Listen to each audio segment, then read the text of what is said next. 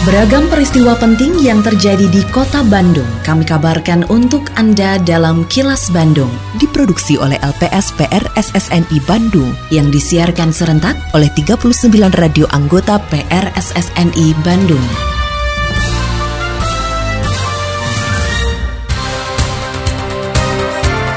Sejumlah informasi aktual kami hadirkan untuk Anda dan inilah informasi utamanya.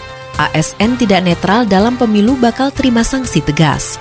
DPRD dorong buruan SAE bisa pasok bahan pangan kota Bandung. Waspadai penyakit kulit akibat suhu panas dan polusi. Saya Santika Sari Sumantri, inilah kilas Bandung selengkapnya. Aparatur Sipil Negara atau ASN di lingkungan pemerintah Provinsi Jawa Barat juga TNI dan Polri bakal mendapatkan sanksi tegas jika terbukti tidak netral dalam pemilu mendatang. Penjabat Gubernur Jawa Barat Bayi Mahmudin mengatakan, sanksi yang akan diberikan kepada ASN pemerintah Provinsi Jawa Barat yang tidak netral mulai dari peringatan. Meski begitu, pihak internal pemerintah Provinsi Jawa Barat bersama Badan Pengawas Pemilu atau Bawaslu akan terus melakukan pengawasan terhadap ASN terkait netralitas mereka pada pemilu 2024. Kami tetap menjamin netralitas ASN TNI Polri dan kami ingatkan juga bahwa netralitas itu bukan berarti tidak boleh menegakkan aturan, tetap menegakkan aturan bagi semua peserta konsultasi politik ini. Pelanggar ada Bawaslu. Ya harus menjaga netralitas, jangan berkadakan berpihakan kepada pihak-pihak tertentu. Intinya intinya netralitas ASN harus kita junjung tinggi. E, nanti akan ada Bawaslu dan juga ada internal kami akan mengawasi. Sanksinya kan memang pertama pasti peringatan dulu terlebih dahulu dan nanti sanksi kami bicarakan dengan internal dan juga dengan Bawaslu.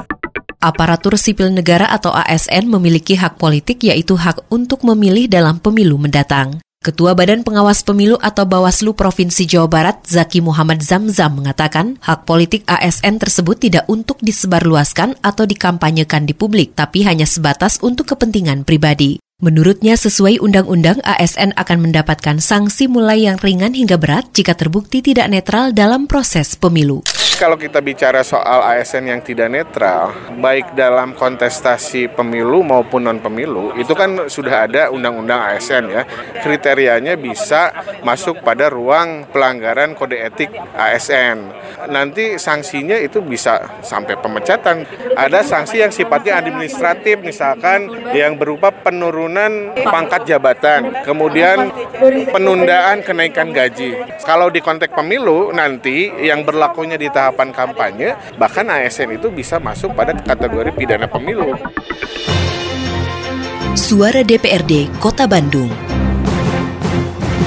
Anggota Komisi B DPRD Kota Bandung, Volmer Silalahi, membenarkan bahwa kebutuhan pangan di Kota Bandung 96 persennya dipasok dari luar daerah. Oleh karenanya ia mendorong agar 4 persen lainnya harus bisa dimanfaatkan oleh kota Bandung, antara lain melalui program pekarangan sehat alami dan ekonomis atau buruan SAE, serta partisipasi semua pemangku kepentingan. Politisi PDIP ini menilai dengan buruan SAE, maka diharapkan ketergantungan terhadap bahan pangan dapat sedikit tertangani. Hal ini karena masyarakat bisa menanam tanaman produksi seperti tomat, cabai, dan lainnya. Hasil dari penelitian atau kajian Kota Bandung ini ketergantungan pangan pokoknya dari luar daerah itu sudah mencapai 96 persen. Arti kita dalam batas ketergantungan yang sangat tinggi. Kita hanya tinggal 4 persen saja lahan-lahan yang ada di Kota Bandung ini yang digunakan untuk memproduksi tanaman pangan atau pangan termasuk beras ya. Nah ini sesuatu indikator bahwa Kota Bandung ini harus segera memiliki sistem ketahanan pangan lokal daerah Kota Bandung untuk menjaga pasokan dan sekaligus untuk mengendalikan harga. Karena apabila harga ini tidak terkendali tentu yang sangat terdampak adalah masyarakat. Karena daya belinya akan menurun dan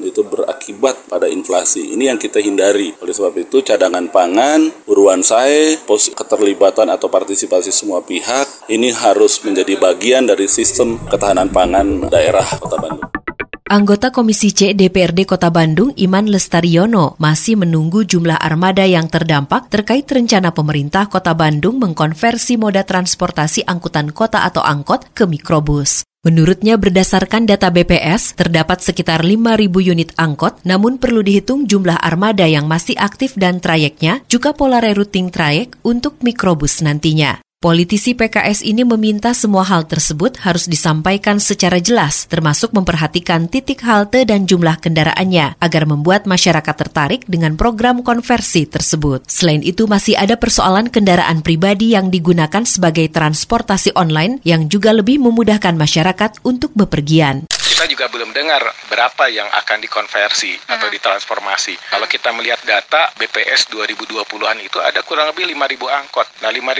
angkot itu yang aktif berapa? Yang akan yeah. dikonversi berapa? Trayek kurang lebih 39 trayek. Berapa trayek yang akan direrouting dengan uh, pola ini atau juga mungkin yang akan kita pakai dulu gitu ya trayek hmm. untuk microbus ini. Nah, ini kan juga harus terinformasikan secara jelas. Gitu. Kita juga harus memperhatikan bagaimana halte-haltenya gitu ya. Jangan sampai delay yang ada karena ritasinya sangat kecil, misalkan ya apa jumlah kendaraannya yang tidak sesuai gitu, maka masyarakat juga tidak menarik dengan program ini. Belum lagi tadi disampaikan bahwa persoalan angkot ini juga terkait dengan jumlah kendaraan persaing. Dalam hal ini kendaraan yang tanda petik pribadi, tetapi mereka juga dipakai buat angkutan umum yang menurut mereka lebih nyaman ya dengan kendaraan online. Kini, audio podcast siaran Kilas Bandung dan berbagai informasi menarik lainnya bisa Anda akses di laman kilasbandungnews.com.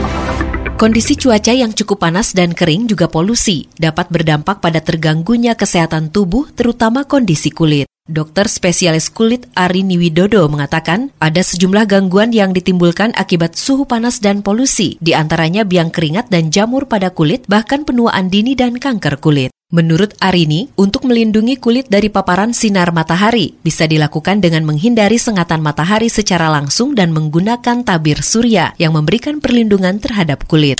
Isu sekarang polisi dan cuaca panas ya, jadi dua-duanya. Kan efek matahari bisa sunburn, pigmentasi, bisa penuaan, terus juga efek-efek misalnya karena panas, di sana kalau anak-anak dia jadi berkeringat kan, kadang-kadang ada biang keringat miliaria atau kita ngomongnya heat rash. Kedua, kelembaban yang berlebihan untuk bikin jamur, bisa bikin panu. Efek polusi dan climate change ini banyak efek jangka panjangnya. Misalnya, kita nggak sadar bahwa kita tuh sebenarnya penuaan dini akibat ini semua. Sama kanker kulit, karena of course matahari dan radikal bebas dua-duanya pemicu-pemicu kanker kulit. Kebutuhan masyarakat akan perawatan kulit saat ini relatif tinggi, seiring dengan kondisi cuaca yang panas dan polusi. Hal ini mendorong sejumlah produsen perawatan kulit menawarkan produk terbaiknya bagi konsumen. Brand Manager Produk Perawatan Kulit Tessa Indira Putri mengatakan, pencegahan berbagai penyakit kulit sebaiknya dilakukan sejak dini, terlebih pada kondisi cuaca yang ekstrim saat ini. Tessa berharap masyarakat lebih memperhatikan pentingnya merawat kulit tubuh dan memilih produk perawatan yang sesuai dengan kondisi kulit kita berusaha menghadirkan sesuatu yang memang dibutuhkan dan emang menjadi keinginan dari konsumen di mana mereka itu pengen punya kulit cerah tanpa celah. Memang pencegahan itu lebih baik di mana setiap orang tuh diharapkan untuk bisa pakai body care secara rutin gitu. Minimal setelah mandi itu harus pakai. Nah, yang diharapkan adalah uh, semoga konsumen di Indonesia, uh, orang-orang Indonesia itu lebih aware lagi pentingnya merawat kulit tubuh dan juga mereka jadinya menggunakan produk-produk yang sesuai dengan kebutuhan mereka.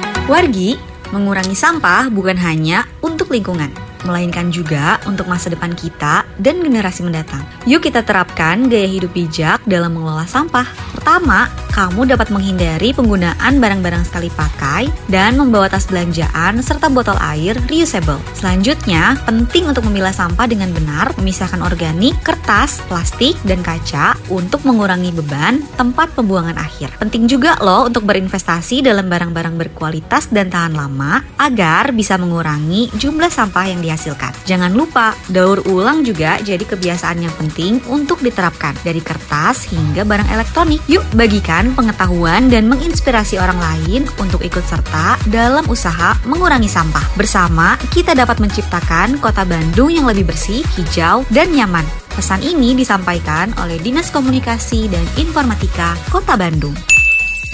Terima kasih Anda telah menyimak kilas Bandung yang diproduksi oleh LPSPR SSNI Bandung.